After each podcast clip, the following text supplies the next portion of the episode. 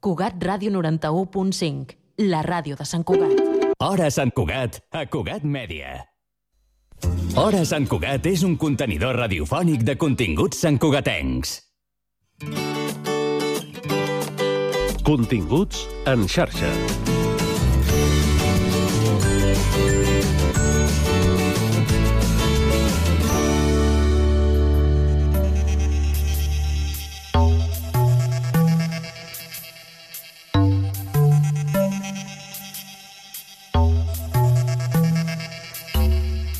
Les persones amb més tendències agressives impulsives i aquelles amb psicopaties socials comparteixen un patró comú.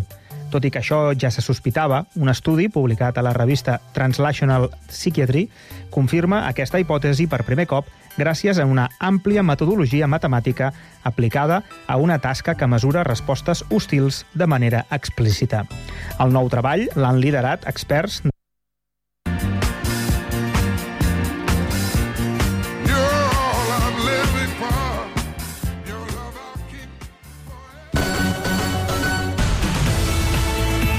Ràdio Sant Cugat, Cugat Mèdia, notícies.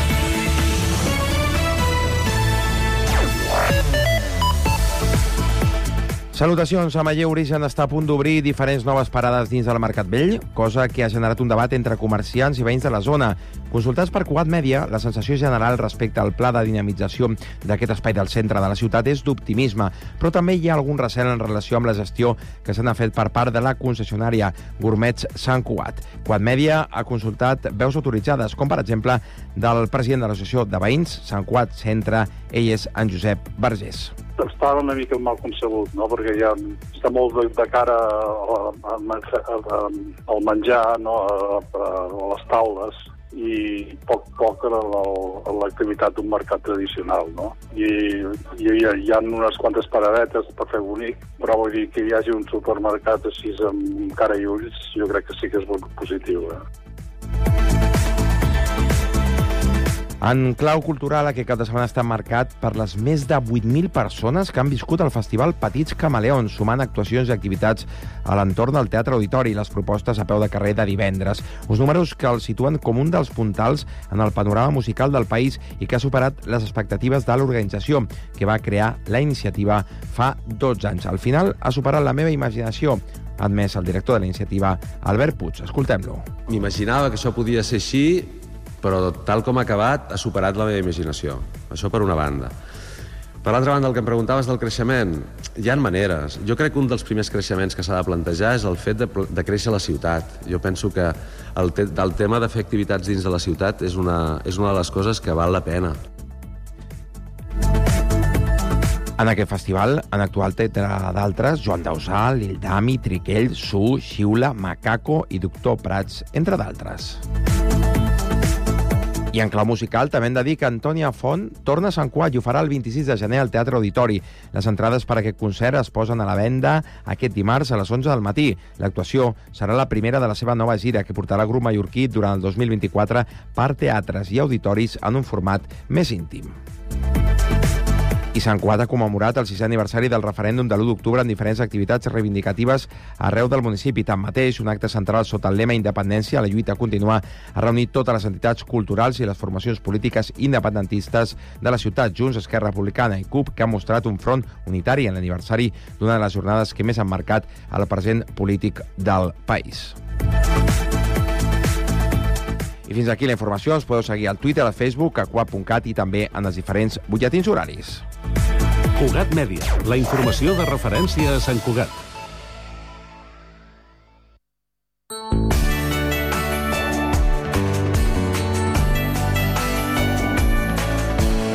Ràdio Sant Cugat, Cugat Mèdia, 91.5 FM.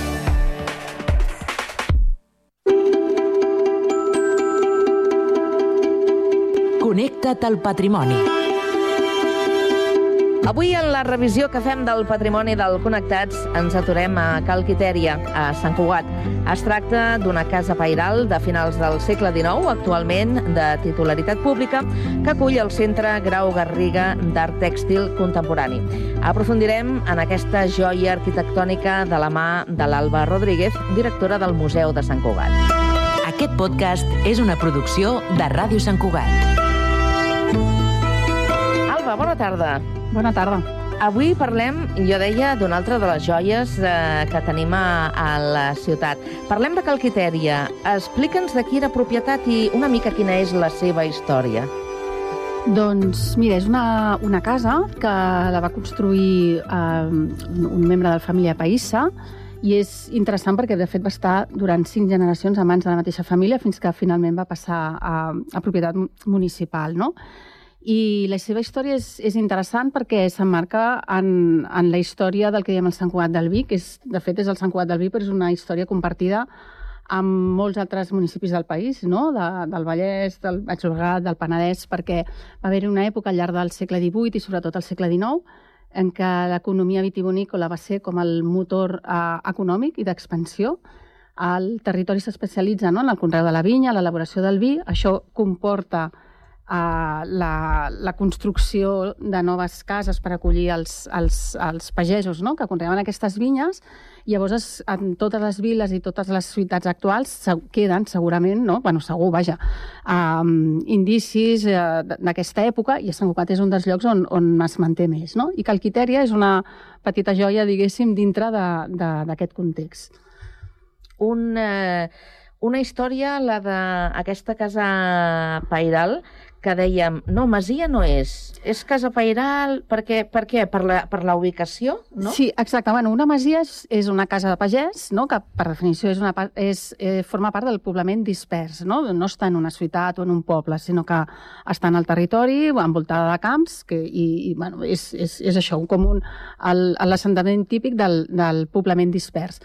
I que el Quiteri és una casa urbana que quan es construeix forma part d'una renglera de cases eh, dintre d'una urbanització d'aquest període, no? de finals del, del segle XIX, que, bueno, que s'emmarca en aquest context que comentava no? de, de creixement eh, econòmic i creixement urbanístic. No? És un moment una mica que li diem la febre d'or del vi, un moment d'eufòria, no? de, perquè és un moment de bonança econòmica, els pagesos s'enriqueixen no? amb la producció del vi, coincideix amb el moment en què eh, hi ha la filoxera a França, que França era com el, el principal competidor de, de, de l'elaboració del vi, eh, llavors com que passa la filoxera es queden sense produir i tots els altres eh, veïns o, eh, aprofiten l'ocasió. Exacte, aprofiten l'ocasió i és, el, és aquesta eufòria no? que, que venen vi a, a gran quantitat i s'enriqueixen i això deixa empremta en, en els pobles perquè bueno, s'amplien, fan cases um, amb millors condicions molt senyorials, no? De grans dimensions, perquè bueno,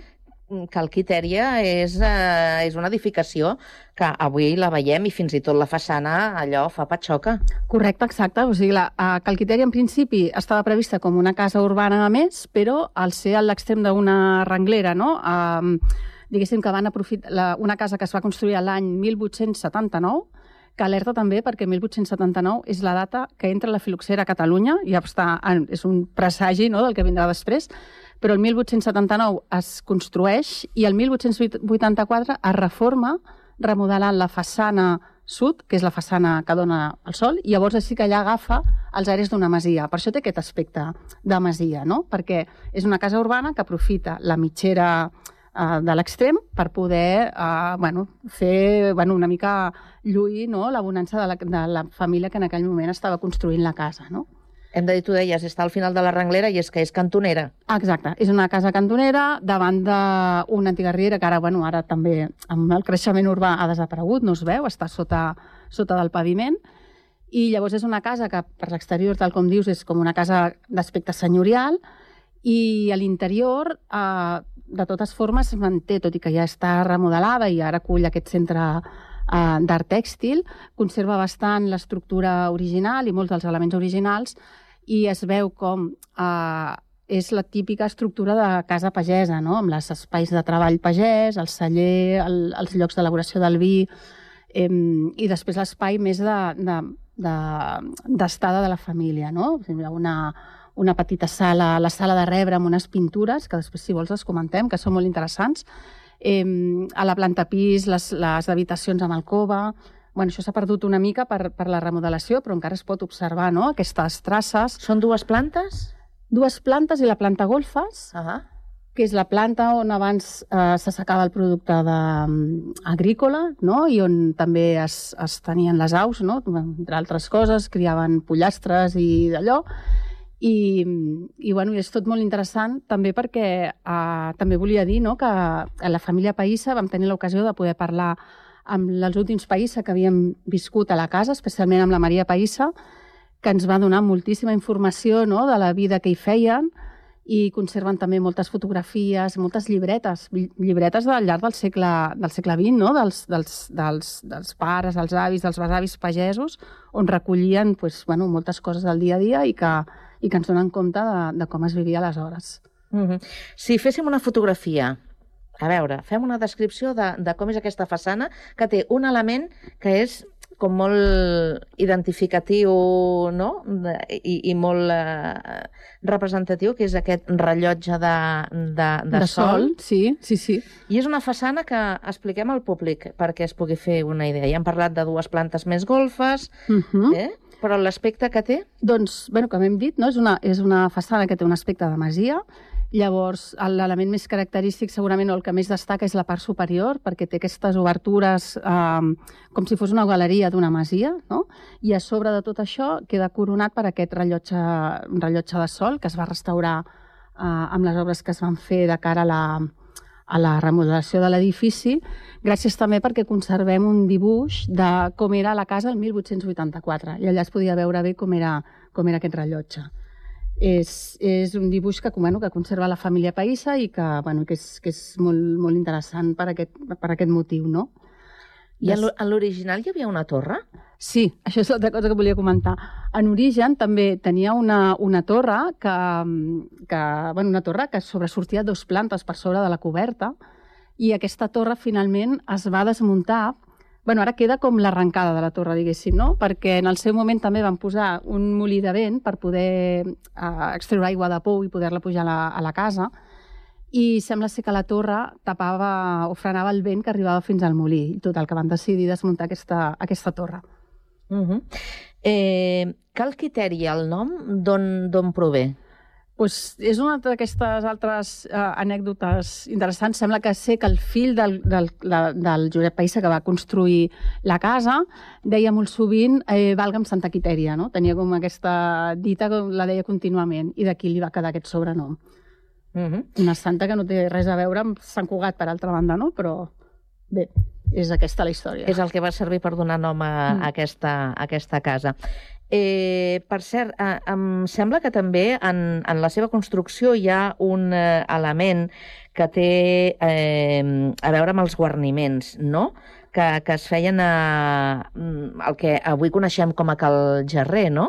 Sí. Aquesta terrisseria. Sí, sí, correcte. També en, en aquest moment, no? en aquest període, també era molt comú um, engalanar, diguéssim, els edificis amb, uns, amb els elements uh, ceràmics, de, de, de terrissa més aviat, no? de terrissa.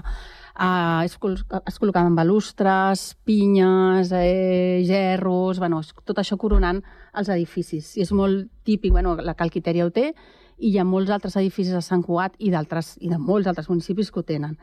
I gairebé cada ciutat, o cada, bueno, cada poble, diguéssim, tenia el seu productor no?, d'aquest tipus de, de terrissa, i aquí a Sant Cugat era Calgerrer, no? la, la terrisseria Arpí, que també és un element del patrimoni local, també es pot visitar perquè té un museu que explica precisament tot el procés de producció i que produïen no només aquests elements eh, de terrissa per ornamentar les façanes, sinó que també produïen els, les rajoles de cub amb la que es folraven els cubs dels, dels cellers per fer el vi. Vull uh -huh. dir que tot, anava, tot, estava, tot estava lligat. I és un altre dels elements interessants de, de Calquitèria, no? que conserva el celler amb els cubs, va perdre la premsa, però es conserva la, la base, i dintre dels cubs, eh, que estan enrajolats, no? amb aquesta terrissa vidriada que se necessitava per, per, per fer el vi en bones condicions, hi ha un parell de rajoles que tenen unes, grafitades unes cares i posa el nom també de la família Arpí, que són els que ho van produir. El segell de... La, la firma de l'artista. Ah, exacte, això, sí. I també és, bueno, és una cosa molt curiosa de, de veure. Hem parlat de la curiositat del nom.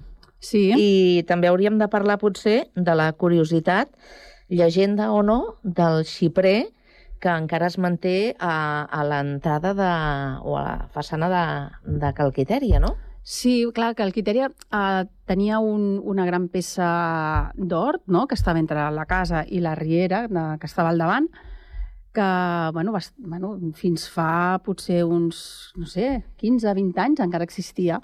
Eh, amb la remodelació de tot aquell carrer això va desaparèixer i, i d'entre els diversos arbres que hi havia en aquest hort hi havia un gran xiprer que, que es va voler conservar. No? Va haver-hi una certa pressió perquè aquest xiprer eh, no, no, es, no es perdés, no? era un arbre de gran magnitud, un gran arbre, i es va traslladar per poder-lo preservar. I ara doncs, bueno, està alçat just a davant, a davant de la casa. Mm -hmm. I arribem a, a l'actualitat. Hem parlat una mica de, de la història, de l'origen d'aquesta casa pairal i en els nostres dies eh, Calquitèria és eh, sinònim de, de, de, de, de centre museístic eh, dedicat a, a l'art tèxtil. És el Centre Grau Garriga d'Art Tèxtil eh, Contemporani que s'obre a partir del març del 2019 Correcte, sí, sí. Eh, què s'hi pot eh, trobar quan el visitant? Perquè imagino que hi ha les exposicions que són eh, eh puntuals, però quin és, diríem, l'objectiu d'aquest centre? Doncs ah, l'objectiu, de, bueno, el centre és el Centre Grau Garriga d'Art Tèxtil. Ja sabeu que bueno, Grau Garriga és, és un, una, bueno, una de les principals figures del, del tèxtil, de l'art tèxtil contemporani, i que era nascut a, a Sant Cugat, de fet bastant a prop, no? d'una casa bastant propera a Calquitèria mm. i molt arrelat, a més a més, a, a la vida pagesa local, de família pagesa, i part de la seva obra s'inspira no? també en el, en el món pagès que va viure. Llavors, en certa manera, pues, tanca una mica aquest cercle no? de vincular pues, la figura de Grau Garriga amb, els, amb aquests orígens pagesos. No? I bueno, es pot veure, hi ha unes, unes exposicions eh, temporals, eh, sempre hi ha gent a l'entorn del món del tèxtil i bueno, poder consultar a través de la seva web i dels seus gestors no? tot, el que, tot el que aquest espai ofereix. Doncs avui hem fet eh, un passeig. Eh, us convidem a tots, si teniu curiositat, eh, per descobrir doncs, eh, el que avui hem intentat eh, dibuixar eh, aquesta joia de, de l'arquitectura santcugatenca i de, i de la història del municipi, Cal Quiteri, aquesta casa pagesa, que avui hem repassat amb l'Alba Rodríguez, la directora del Museu de Sant Cugat. Alba, moltíssimes gràcies. A vosaltres. Recupera aquest podcast a la xarxa Més i a la web de la teva emissora local. No és el mateix ser els integrants del millor grup de la història que ser el millor grup de la història. Per això, el grup català Occident serem Occident, perquè per continuar assegurant-ho tot, tot i tot, ens havíem d'ajuntar tots, tots i tots. Entra a seremoccident.cat. Wash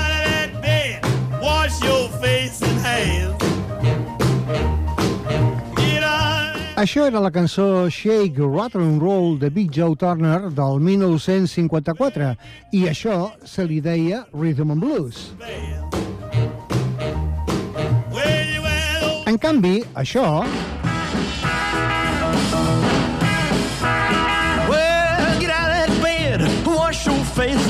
És la mateixa cançó interpretada per Elvis Presley al 1956 i aleshores se li deia rock and roll. Per què? Doncs tot això i molt més... La música i les seves històries. Cada dissabte a les 5 de la tarda, després de les notícies, clar, al Club Tortuga, a Ràdio Sant Cugat, al 91.5 de la FM o a cugat.cat. No hi falteu.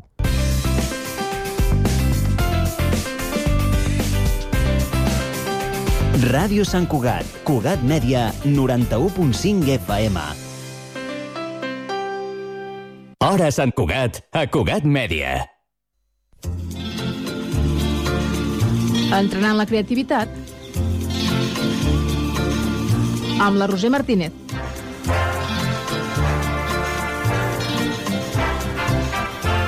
Setmana a setmana ens posarem creatius amb la Roser Martínez. Roser, benvinguda. Hola, què tal? Doncs molt bé, i amb moltes ganes d'avui fer creativitat amb ous. Avui parlarem d'ous. D'ous. Sí. He pensat, dic, a veure la Roser per on em sortirà, perquè, clar, fer creativitat amb ous, a veure... Ui, doncs se m'ha quedat curt el programa, Sí? eh? Home. Perquè he tingut que descartar moltíssima informació. O sigui que podríem fer ous segona part. Ah, doncs mira, aquí ho deixem, aquí ho deixem, que si la possibilitat ho dona, ho podríem fer. Per on comencem avui, Roser? Doncs bueno, què va ser primer, l'ou o la gallina? És la gran pregunta del món, aquesta, eh? Doncs tens, no. tens la resposta? Sí, va ser, va ser l'ou còsmic. L'ou còsmic, què, a veure, què és això? Què és això? És, uh, l'ou còsmic és la metàfora de l'origen de tot plegat. O Mhm. sigui que um, va ser l'evolució de l'espècie, per tant, a partir d'aquí va evolucionar la gallina i l'ou. D'acord, per, Per tant, tant, l'ou és primer. L'ou és primer. L'ou és primer. Sí, sí, sí, sí. I mira, uh, saps quin és l'ocell que pon l'ou més gran de tots? Mm. Ui, no ho sé. A veure, sorprèn-me. L'estrus. L'estrus, clar, sí. sí. sí. que- Fins a 25 centímetres pot fer. Uh, pobre I pesa estrus. entre 1 i 2 quilos. Home, això, això és com un part, eh, gairebé. Manda huevos, eh? sí, manda, ma- mai millor dit, eh? I saps quin és el més petit? Quin? El colibrí. El colibrí. Fa ous petits, petits com un pèsol. Carai, i d'allà en Sí. surt l'ocellet, eh? Imagina't. Imagina't. Sí, sí, però és que és molt petitó, eh, el colibrí? Sí, sí, sí, clar, tampoc en pot Sí. sortir una cosa gaire grossa, No, pobreta, no, no, dins el clar, colibrí, és no? proporcional. Sí, sí, totalment. doncs mira, començarem a parlar dels ous, pues, com no, per la Pasqua. Home, i clar. Sí, i Com això, ens agrada. això, mira, tot bé, uh, parlem de l'edat mitja.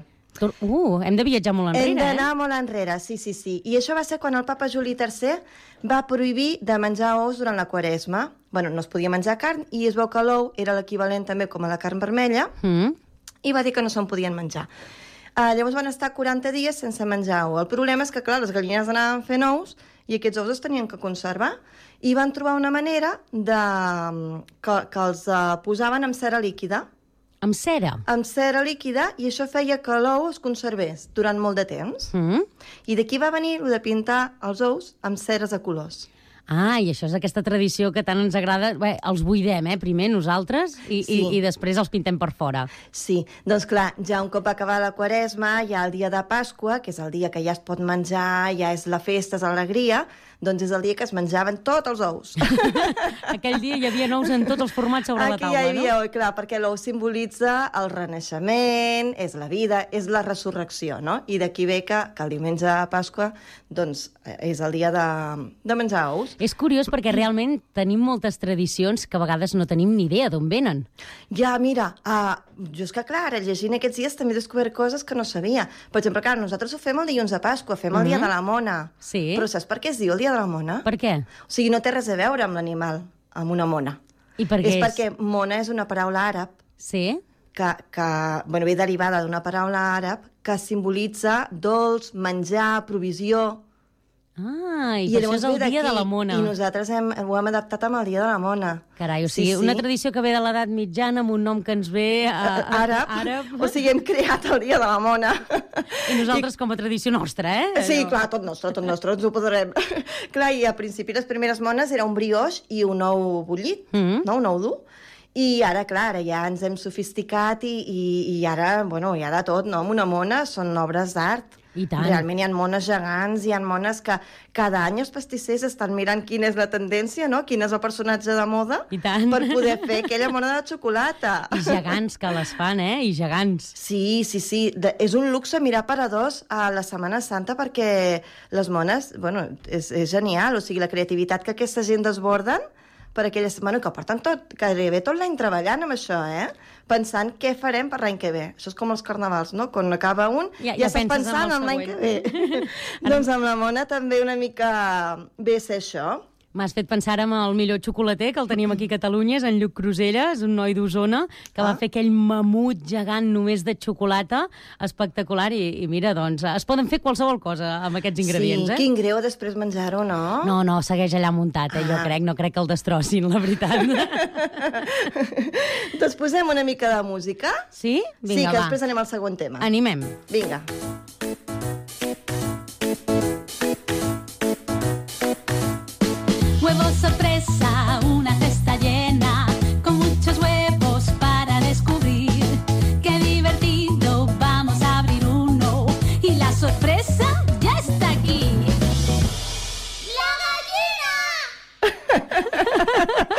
saps per què aquesta cançó? Per què? Per què? Estem parlant d'ous kinder, ara? o? Ara anem als kinder, Ah, exacte. Com ens agraden els ous kinder. Perquè és que, bueno, la història de, de com es van inventar l'ou kinder, bueno, Sí? és l'exemple d'una ment creativa desperta. Home, i, i, lo, i Això que li ha durat, ser- lo que i- li ha I durat. el que li dura, i durarà. Aquest senyor, en William Salís, era un senyor italià i buscava la fórmula de com rentabilitzar els motlles dels ous de Pasqua. Mm -hmm. Perquè, clar, van fer una inversió molt gran i eh, volien buscar com, no? Clar, vendre ous de xocolata normal durant l'any no tenia prou prou enganx. Prou eh? sortida, no tenia sí. sortida, I llavors no? van dir, bueno, doncs, uh, aquest home es va inspirar en Fabergé, que ara explicarem els ous de Fabergé, Oh. i van dir, doncs, hi posarem una sorpresa dins de l'ou. I a partir d'aquí va començar, doncs, bueno, a crear joguets, aquells que eren de mil peces que el tenies que muntar, uh, hi havia temàtiques, no? Tot eren sorpreses. I gairebé que, que, que al principi, ara ja el tenim com més conegut Sí. i ja poder no tant, no? Però al principi jo crec que tothom ho devia comprar per la sorpresa. Home, clar. No, perquè dius, va, la xocolata sí, vale, però... Home, també està bona, també està bona, També no ens enganyem, bona. eh? Però era com dir, a veure què toca avui. doncs mira, eh, tot això va venir doncs, d'aquest home, de com poder allargar més la temporada per vendre ous de xocolata. Aquestes ments despertes, eh? Exacte. Que entrenen la creativitat constantment, eh, Roser? Que és el que fem nosaltres aquí també en aquest programa. Entrenar. Entrenar, clar que sí. I, bueno, i l'entrenament és a base de tenir més informació. Com més informació tenim, més capacitat tenim de poder crear. I tant, i aquests ous que han evolucionat, ara ja tenim els d'estiu i tot, eh? Que no m'agraden tant, però... Ja, perquè clar, l'estiu Ja en és aquí... diferent. Hi ha països que no hi ha tant de problema, però en aquí on estem nosaltres, l'estiu és que la xocolata Sí, mm, sí. no s'hauria de vendre, No. perquè no, no, arriba, no arriba a bon lloc. No ens diguis bestieses, un món sense xocolata, que malament ho passaríem, home. I mira, després del kinder, ja que l'hem mencionat, ens anem a Fabergé. Home, que suposo que tothom els coneix, però parlem-ne què són els ous de Fabergé. Sí, bueno, són joies, són obres d'art, és um, la crem de la crem de la joieria. Uh, I tot això va començar, bueno, era un joier rus, en, en Cal Fabergé, que per encàrrec, la cort imperial russa, doncs cada any uh, li volia regalar a l'emperatriu un ou, un ou, però era per Pasqua, eh, també? Sí. Era per Pasqua Sí, i li volia fer. la tradició de l'edat mitjana, eh? Sí, seguia, però clar, ho va, ho va posar a nivell, a nivell joia. I l'única condició que li posaven a aquest home és que cada any l'ou fos únic. Únic i amb una variant diferent i mm, sempre amb metalls nobles i el millor de, que hi havia a l'època, no? Mhm. I llavors el primer ou que li van regalar, que va ser el que va, d'aquí va començar tota aquesta tradició, doncs simbolitzava un ou esmaltat amb color blanc, que quan l'obries hi havia el rovell d'ou d'or. Ah. I el rovell d'ou, d'ou, ui, que avui m'ha... Sí, el rovell d'ou d'or és que clar, és complex. També s'obria i sortia una gallina d'or, també. Oh. I la gallina d'or també s'obria i hi havia una rèplica de la, de la corona imperial que estava realitzada amb or i diamants, amb un collaret de rubí, amb un petit penjoll que portava de rubí. Per tant, la idea del Kinder Sorpresa també hi és en els ous de Fabergé, no? Uh, però Ah, bueno, o sigui, el. Kinder es va inspirar En els amb, el Fabergé. amb el Fabergé. Però clar, tot això en miniatura. Clar. És, i, i, I el mecanisme i tot plegat, això sí que és un, bueno, un esclat de creativitat i tècnica, bueno, professionalitat a, I a se- dojo, no? segueixen sent de col·leccionista total els ous de Fabergé i perseguits, no? Han i estat molt perseguits, I no? n'hi han de perduts, eh? Sí, sí, sí, clar, és, és tot una, tot una, una eminència el tema dels ous de Fabergé. Però mira, i ara això què ens portarà? A on ens porta? No podien deixar de parlar de Dalí. Home, clar. Clar, els ous de Dalí. bueno, com que el mateix que hem dit, no? doncs l'ou és el simbolisme de la vida, de començar una nova vida, de renéixer, doncs bueno, Dalí també feia servir l'ou amb les seves obres. I mira, a la Torre Galatea, que hi ha aquests ous gegants, Sí. saps quants ous hi han? Quants? N'hi ha 16. 16. I pans? Ai, uf, molts. 1.300. Ah, anava a dir, n'hi ha molts més, eh? De pans n'hi ha molts més. 1.300 pans, sí, sí, com a símbol de positiu i el que diem, no?, de, de, de vida. I, I, bueno, i va anar així. I ara jo és que parlaria de menjar, no? Oi, sí, i clar, aquí anar parlant d'ous, jo ja només Clar. visualitzava la truita, perquè clar, hi ha moltíssimes maneres, no? Buah. Ous remenats, eh, eh, ous estrellats, eh, no sé, amb truita, eh, ous durs. I l'estrella? Quin és? El huevo frito. Los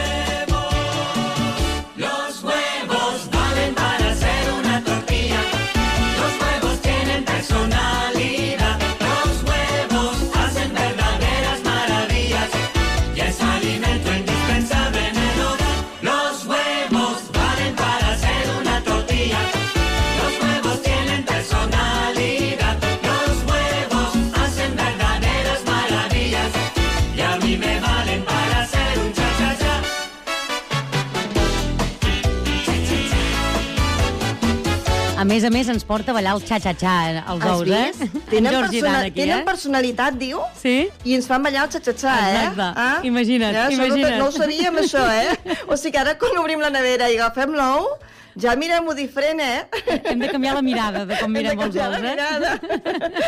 doncs, bueno, el que dèiem, no, clar, ous ferrats, truita, púding, tot. Jo és que, mira, en, jo és el meu plat preferit, eh? Sí? Sí, sí, sí, els ous en totes les maneres, però en especial l'ou ferrat.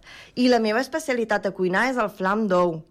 També de totes les varietats possibles. Oh. El faig, m'encanta. Com es fa el flam d'ou? A veure. Ui, és superfàcil. A veure, va, Jo que avui tinc- aprendrem gastro- gastronomia creativa amb ous, també. Jo tinc una proporció amb un motllo que tinc. Uh Mhm. -huh. I són 4 ous batuts. I per una altra banda jo escalfo mig litre de llet amb 100 grams de sucre. D'acord. I un cop tinc allò calent, ho tiro tots els ous, ho remeno tot i ja ho poso dintre del motllo. Bueno, primer en el motllo hi he ficat una mica de carmel líquid. Sí, allò, I ho poso al, al al fons, Maria. eh, que ens agrada trobar-lo. Sí, que, que pot ser aquest que ja ve fet, eh? Uh -huh. Per anar ràpid. jo vaig a ràpid. També el podeu fer vosaltres si voleu, però hi ha També, opcions, també. hi ha opcions. I ho posem al bany Maria al forn i més o menys uns 40 minuts, punxem amb el ganivet i com veiem que ja no s'enganxa, estupendo, nevera i apa. I a menjar flams. I a menjar, desmoldejar i a menjar. Ai, I això jo els faig amb cafè, amb formatge, amb fruita, bueno, amb, amb xocolata. Bé, és que clar, per tot el món de la pastisseria, l'ou és imprescindible. Imprescindible. Sí, sí, sí, sí. Carai. Ous i derivats. Home, doncs, sí, sí. quina història tenen els ous i tens tota la raó que quan ens n'anem a la cuina, obrim la nevera i agafem un ou, mm, no pensem pas en tota la història que pot haver-hi darrere d'un ou, no? Clar, bueno, ja ho ha dit en Jordi Dany, tenen personalitat. Clar. bueno, espera, ara li posarem personalitat amb el tip creatiu, eh? A veure, a veure. Ah, però espera't, deixa'm dir-te primer que tenim, a més a més, mira si tenen personalitat, ha el Dia Mundial de l'Ou. Home, també t'haig de dir que hi ha dies mundials de tot, però... Bueno, no li però treguis està- mèrit, però ara. Està, però està molt bé que l'ou també tingui el seu dia Home, mundial. sí, el segon divendres d'octubre. Ah, doncs mira, gairebé a tocar el tenim aquí. Sí, mira, ho, ho celebrem abans. Ho celebrem abans. Ara preparem per, per fer el Dia Mundial de l'Ou, no? Això. I ara, mira, farem un tip perquè sigui també... Ah, És un tip molt xulo, jo el faré aquesta setmana que ve. I per decorar, per exemple, una taula, que si tenim convidats, si volem posar doncs, alguna cosa especial, Mhm. doncs els podem posar de colors. I els atanyirem, fem, a- posem en una olla a bullir ous, Sí? i si els volem de color rosa, els posem amb una mica de remolatge. Ah, Que els volem de color groc, però posem cúrcuma. Amb, amb la closca o sí, tret? sí, sí, ah, sí. val, val, no, no, no, amb la closca. Val. Posem els ous i, i l'aigua, fem bullir, i bueno, abans posem, si volem rosa de remolatge, si volem groc de cúrcuma, si volem verd amb espinacs. Ah. I eh, el bullir doncs, va, va deixant el pigment i va tenyint l'ou. I s'enganxa l'ou, eh? Sí, queda, queda, no queda un to molt i molt fort, m'hauries de posar-hi molta quantitat, però sí que t'agafa aquella tonalitat, és molt xulo.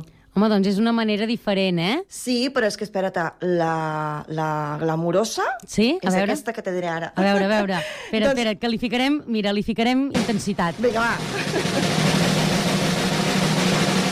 A veure... Vamos allá. Jo és que sóc una fan del brilli-brilli. Ai, sí, ho sabem, I, ho sabem. I clar, una taula amb brilli-brilli, doncs un cop tens l'ou bullit i posem alguna cola, algun pegamento en barra, doncs en l'ou, i llavors ho arrebossem amb, amb purpurina. Ah, Oh, i aquest ou ens queda... per decorar, no per menjar, per eh, decorar. audiència? No, per decorar, decorar la taula. Poses tot d'ous de purpurina i això, bueno, un glamour, ja tens una taula de festa que vaya. I això ho faràs la setmana que ve? La setmana que ve vull fer uh, l'ou aquest com el, el tip d'exercici. Sí, sí, sí. Molt bé. O Home, doncs, que mira. els tips de la Roser eh, de, és perquè nosaltres entrenem la nostra creativitat setmana a setmana. Segurament a ningú o poca gent se li hauria acudit vinga, va, doncs ara me'n vaig a, a bullir uns ous amb remolatge per parar la taula amb aquests ous roses liles. La Roser ens ho proposa, eh? Clar que sí, perquè sí que potser podem pensar, o veiem en una revista, o diem, "Ah, mira que xulo això, però ens costa fer l'acció. Sí. I, I clar, si realment volem ser creatius i volem potenciar el superpoder creatiu, que a mi m'agrada dir, hem de fer acció. No serveix només agafar una revista i veure mil idees. O sigui que agafem ous, bullim ous i posem purpurina o posem-hi color. Molt bé. I si tenim infants, doncs mira, també podem provar-ho com es fa a Pasqua i que els pintin una mica i Clar fer que sí. personatges, un Charles Chaplin amb un barret, amb, amb qualsevol cosa, i tens eh, també una taula amb punt infantil, no?, que, que pot quedar molt xula, també. Clar que sí, i ho acompanyem amb música i ja tenim una estona ben divertida. Carai, doncs eh, ja veieu que els ous donen per molt, com ja ens deia en Georgi Dan, eh? Sí. Et sembla si l'acabem d'escoltar? Vinga, va, posa-la. Vinga, Roser, ha estat un plaer. Moltíssimes gràcies. Gràcies, fins a propera.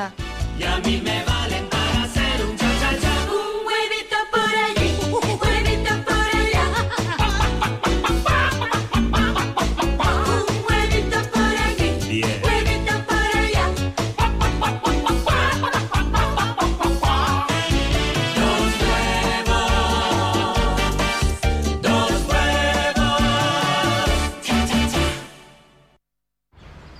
Estàs pensant a posar plaques solars a casa teva? Doncs passa't a l'energia solar de manera fàcil i segura amb la teulada, experts en energia solar i el nou espai d'assessorament per a la ciutadania i les empreses. Informa't a la teulada arroba amb.cat o contacta'ns per WhatsApp al 645 725 465. La teulada és un servei de l'AMB finançat amb el Fons Europeu de Desenvolupament Regional. AMB, Metròpolis de Barcelona. Cada cap de setmana ens posem en joc.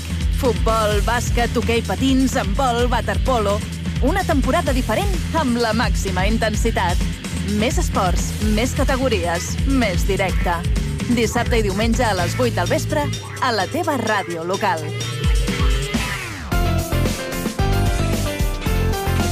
Ràdio Sant Cugat. Cugat Mèdia. Hora Sant Cugat és un contenidor radiofònic de continguts santcugatencs. Continguts en xarxa.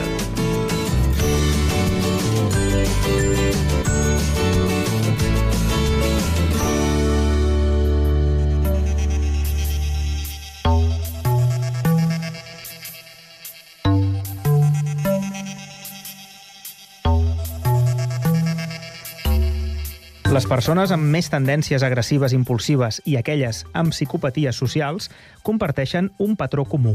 Tot i que això ja se sospitava, un estudi publicat a la revista Translational Psychiatry confirma aquesta hipòtesi per primer cop gràcies a una àmplia metodologia matemàtica aplicada a una tasca que mesura respostes hostils de manera explícita.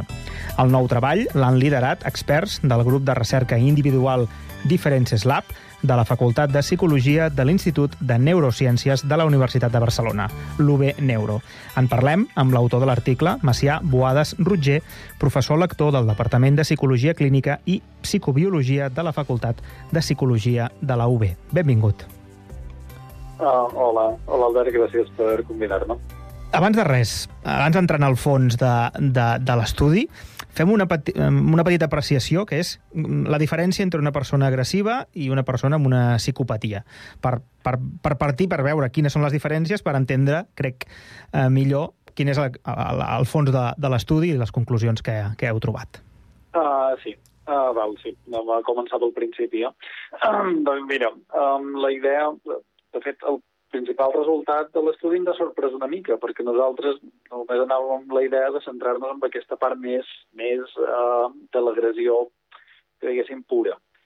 És a dir, uh, nosaltres distingim entre uh, agressió que s'anomena reactiva o a sang calenta, uh, agressió hostil o impulsiva, que és allò, allò quan t'enfades i no saps què et passa, o allò que et supera i, i dius alguna cosa dolenta, fas, algun, fas mal a algú, etc etc. Que sigui, diguéssim, quan perds el control dels teus impulsos, quan reacciones de forma instintiva, impulsiva, això seria agressió, eh, en el terme més general que utilitzem els psicòlegs.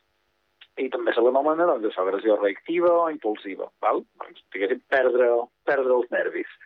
Llavors, hi ha gent que els perd més fàcilment d'altres, eh, que tenen la cua de palla, que diguéssim, i aquesta gent, doncs, eh, alguns eh, poden encaixar amb un diagnòstic que anomenem, doncs, eh, per exemple, eh, trastorn antisocial de la personalitat, no? Aquella gent que, que, que perd molt fàcilment els nervis, que, que, que s'enfada molt, que diu que ofen els altres, que fa mal als altres contínuament. Val? Tenim per una banda aquesta gent. tenim per l'altra els psicòpates, la psicopatia, uh, que seria aquella gent, uh, lo típic que sempre surt a les pel·lícules, que seria aquella gent que fa mal als altres, però de forma freda, calculada, diguéssim, a sang freda. De forma, eh, eh, gent que fa eh, el que anomenem agressió més proactiva, més instrumental. No és que perdin els nervis, saben perfectament el que fan, fan mal als altres a sang freda. Vale? Doncs eh, això serien els dos grans grups.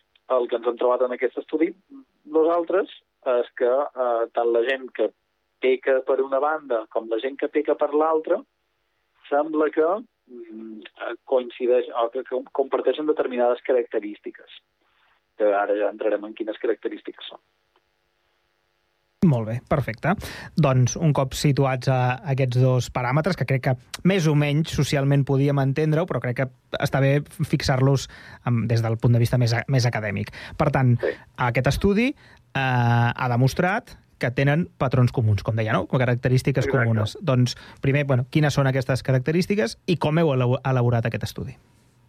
Uh, val. Uh, doncs, mira, començarem per com hem elaborat l'estudi i d'allà, i, i, i així s'entendrà quins són els resultats. Doncs, mira, bàsicament de l'estudi vam agafar una tasca on uh, els participants havien de disparar una pistola o no, com diguéssim un videojoc. Llavors la tasca estava manipulada de forma que eh, els participants doncs havien d'aprendre quan disparar i quan no. So, um, a més l'encertaven, doncs més punts l'havien. Uh, de manera que disparar de forma indiscriminada en aquesta tasca uh, no els sortia a compte. Era com... Uh, hi perdien diners. Um, Se'ls descomptaven, diguéssim, de la seva, de la seva compensació.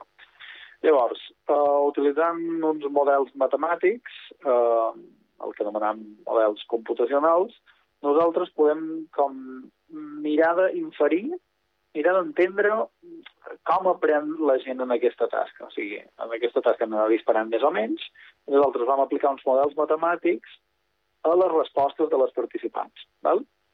Llavors, amb aquests models matemàtics podem saber si aprenen millor, pitjor, si es fixen més en, en alguns aspectes o en altres d'aquesta tasca i la nostra hipòtesi inicial era que en aquesta tasca doncs, la gent amb més, més tendències agressives, més agressió d'aquesta impulsiva, reactiva, doncs dispararia de forma més indiscriminada, el típic de que perdrien els nervis més fàcilment, eh, no atendrien tant a raons, eh, dispararien més, encara que això fos a costa de perdre, eh, de perdre diners.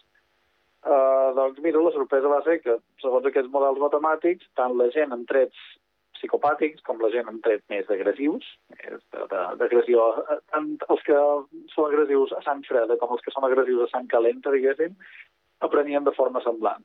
Disparaven més sovint, uh, dispa uh, disparaven més sovint i llavors, quan no havien de disparar, els hi costava més, uh, diguéssim, desaprendre aquest patró, no? Um, sí, això és una mica la troballa, la troballa principal. La, les tendències agressives i les psicopàtiques es caracteritzen per un patró semblant. Aprenen, aprenen ràpid a disparar i després els costa deixar de fer-ho. Això seria molt resumit mm. el que ens ha sortit.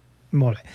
Llavors, per tant, aquests resultats, llavors quines conclusions, diríem, es poden extreure d'això? O quins canvis en el que s'havia tingut sempre, eh, diguem, s'havia pensat sempre dins la psiquiatria? Uh, doncs, um, sí, això té, o sigui, és interessant perquè l'OIM, nosaltres mateixos ens esperàvem trobar aquest patró, um, uh, perquè uh, això, del, tant en psiquiatria forense com en criminologia, uh, etc., es tendeix a tractar aquests diferents grups de pacients de forma, de forma diferent. Uh, als psicòpates doncs, se'ls ensenya més bé empatia, se'ls ensenya a entendre els altres, se'ls eh, diguéssim, en, el tractament de la psicopatia, que val a dir no és un diagnòstic establert en la majoria de sistemes encara, Uh, el tractament de la psicopatia es centra més en l'empatia. En canvi, el tractament de, de l'agressió més impulsiva, de la gent que perd els nervis, se centra més en, en la gestió de la ira, la gestió de les emocions, la regulació emocional. El clàssic compte fins a 10, quan t'enfadis, etc. Doncs, llavors, aquest estudi el que suggereix és que en realitat hi ha en alguns aspectes un nucli comú i que, per tant, eh, si podem incidir en aquests aspectes, eh, tant els pacients amb psicopatia com els pacients amb agressió més reactiva es poden beneficiar de, dels mateixos tractaments. Mm -hmm. Vol dir que no caldria potser eh, necessàriament individualitzar el tractament a, a cada persona, sinó que potser podem mirar d'economitzar una mica recursos i tractar-los de forma més semblant. Molt bé. Llavors... Ah, ah, ara, disculpa, bé, perdona, sí. ara, ara he de fer de, ara he de fer d'investigador i he de, i he de dir que, això sí, aquest, el nostre estudi està basat en una mostra de gent sana, no era gent amb un diagnòstic, era gent, diguéssim, població normativa. Uh, el que passa és que, com que els, els trets uh, de personalitat i els trets antisocials tots en tenim una mica, encara que no siguem psicòpates, tots podem ser una mica pillos, diguéssim, i encara que no siguem tots uh, agressors, tots podem perdre els nervis. Llavors, això que quedi clar, no és una mostra clínica, és una mostra normativa, però eh, que creiem que el que observem en, el que observem en els pacients és una versió extrema del que s'observa en la població normal. Mm -hmm. Llavors, per, per acabar-ho de confirmar, o digue-li com vulguis, s'hauria d'agafar gent diagnosticada amb els dos paràmetres per, per acabar de confirmar això?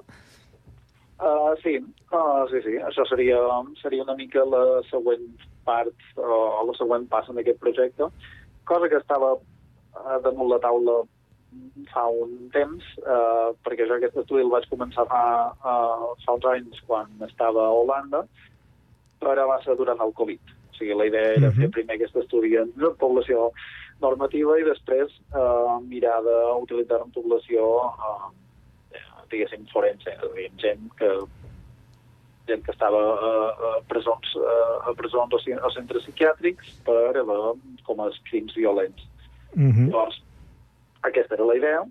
Per desgràcia, eh, bé, per sort o per desgràcia, eh, el Covid no ho va permetre, després vaig eh, treure la plaça de professor a Barcelona i he acabat aquí. No ho descarto en un futur, però sí, seria la següent passa de veure si realment aquests models matemàtics que hem desenvolupat i aquesta tasca que també s'ha d'admetre d'una mica artificial o d'una mica videojocs, i això ens pot ajudar a entendre què li passa a aquesta gent. O ens pot ajudar a predir almenys quins, eh, quins d'aquests pacients es, benefici es beneficiarien més d'un tractament o menys, o quins tenen més risc de reincidència eh, i quins menys.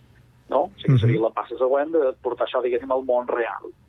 Perfecte. I bé, eh, potser si, el, si algú m'ho financia, en un futur serà possible. No? Molt bé. doncs a veure si algú, si algú ens escolta. Doncs moltíssimes gràcies, Macià Boades Rutger, professor lector, com dèiem, del Departament de Psicologia Clínica i Psicobiologia de la Facultat de Psicologia de la Universitat de, de Barcelona. Moltes gràcies. A tu, Albert. Uh, gràcies a tots per escoltar-nos.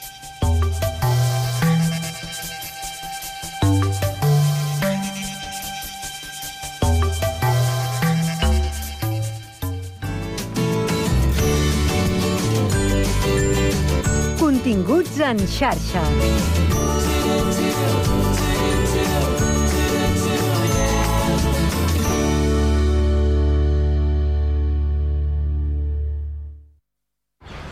Estàs pensant a posar plaques solars a casa teva? Doncs passa't a l'energia solar de manera fàcil i segura amb la teulada, experts en energia solar i el nou espai d'assessorament per a la ciutadania i les empreses. Informa't a la teulada arroba amb.cat o contacta'ns per WhatsApp al 645 725 465. La teulada és un servei de l'AMB finançat amb el Fons Europeu de Desenvolupament Regional. AMB, Metròpolis de Barcelona. Cada cap de setmana ens posem en joc. Futbol, bàsquet, hoquei patins, handbol, waterpolo... Una temporada diferent amb la màxima intensitat. Més esports, més categories, més directe. Dissabte i diumenge a les 8 del vespre a la teva ràdio local. Ràdio Sant Cugat. Cugat Mèdia. Hora Sant Cugat, a Cugat Mèdia.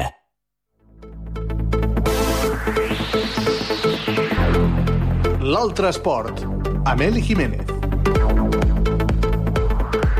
Ens retrobem una setmana més en l'Altre Esport, el programa que us apropa als esports minoritaris de casa nostra. I avui, aprofitant que aquest cap de setmana arrenca la Parlem Hockey Lliga 2023-2024, us aproparem una guia bàsica per seguir-la.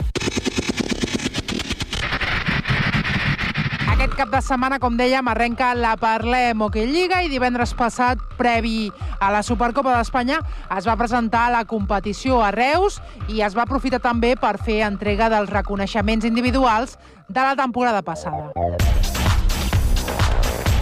El jugador del Barça, Pau Bargalló, va ser reconegut com a MVP. El millor entrenador, el tècnic del Liceo, Juan Copa. El pitxitxi de la competició, el jugador del Calafell, Martí Casas. El jugador revelació, l'Arlequinat Gerard Riba. I el premi Carles Trullols pel porter del Barça, Sergi Fernández. En el quintet ideal hi figuren el porter blaugrana Sergi Fernández, els també blaugranes Elder Núñez i Pau Bargalló, el jugador del Reus Sergi Aragonès i el del Calafell Martí Casas. Com a millor àrbitre, Miguel Díaz. I anem ja amb l'inici de la Parlem Hockey Lliga 2023-2024, una competició on hi prendran part els nouvinguts Sant Just, Ribes les Lagunes i Mataró, i comptarà amb les absències dels descendits Vilafranca, Arenys i Sant Cugat. La primera jornada arrenca dissabte amb els primers tres enfrontaments. A les 5 de la tarda, Mataró, Ribes, les Lagunes. A les 6, Liceo, Igualada. I a les 8, Sant Just, Calafell. Diumenge tindrem dos partits més. A les 12 del migdia, Lleida, Alcoi. I a un quart de 5 de la tarda, Caldes, Noia. Dilluns serà el torn del Barça-Reus a dos quarts de nou del vespre i tancarà la jornada al Girona-Voltregà del 17 d'octubre a les 9 del vespre.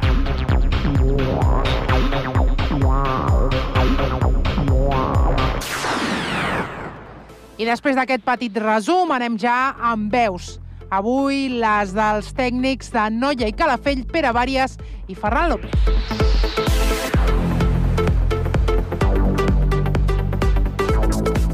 Hem començat fent balanç de la pretemporada amb els dos tècnics. Penso que, que hem treballat molt bé, eh, d'una manera molt, molt continuada, molt, molt intensa, eh, pensant que estem a, amb un equip completament nou, on hi ha quatre cares noves que, que s'han d'adaptar i que hem de ser, primer de tot, molt empàtics, tot, tots amb tots, també saber que ens estem construint, que això té un temps, però la veritat és que hem treballat molt bé, eh, ens, ens hem, hem apretat les dents tots treballant eh, en tots els aspectes i seguirem així. Crec, crec que durant un temps més eh, adaptant-nos a, els uns als altres. No, això no és tan ràpid i ja ho sabíem, però bé, content de com ha treballat tothom. Bé, altres vegades eh, sí que planteges un treball més a llarg termini, de, de, que els jugadors es vagin adaptant i vas introduint potser més informació de la, de la que tocaria, um, que els costi assimilar, vaja.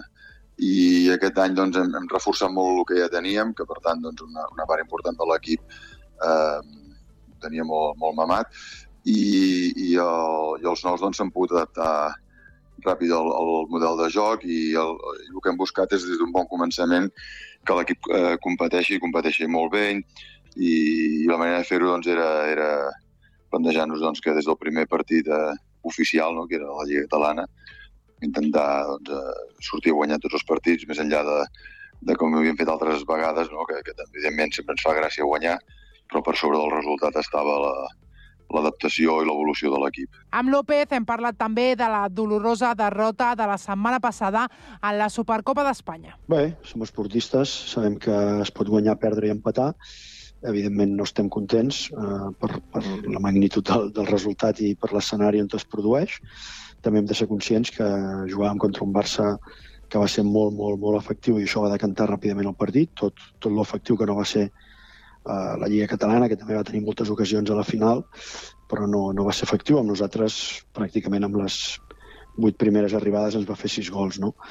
I a partir d'aquí eh, tot es posa molt difícil i, evidentment, doncs, no, no, no ens agrada que s'hagi donat aquest resultat, però, però estem orgullosos d'haver arribat fins aquí, d'haver competit. És un premi a la temporada passada i el marcador de l'Hockey Lliga està zero per tots els equips. Per tant, analitzem el que, el que ha passat, el que podem millorar, sabent situar-ho en un context, però super, super predisposats a, no només a treballar molt bé o a seguir treballant molt bé, sinó a competir molt bé la setmana aquesta setmana contra el Sant Just, que, que debutem a l'Hockey Lliga. I en vàries hem parlat del primer títol aconseguit pel Noia, la Lliga Catalana.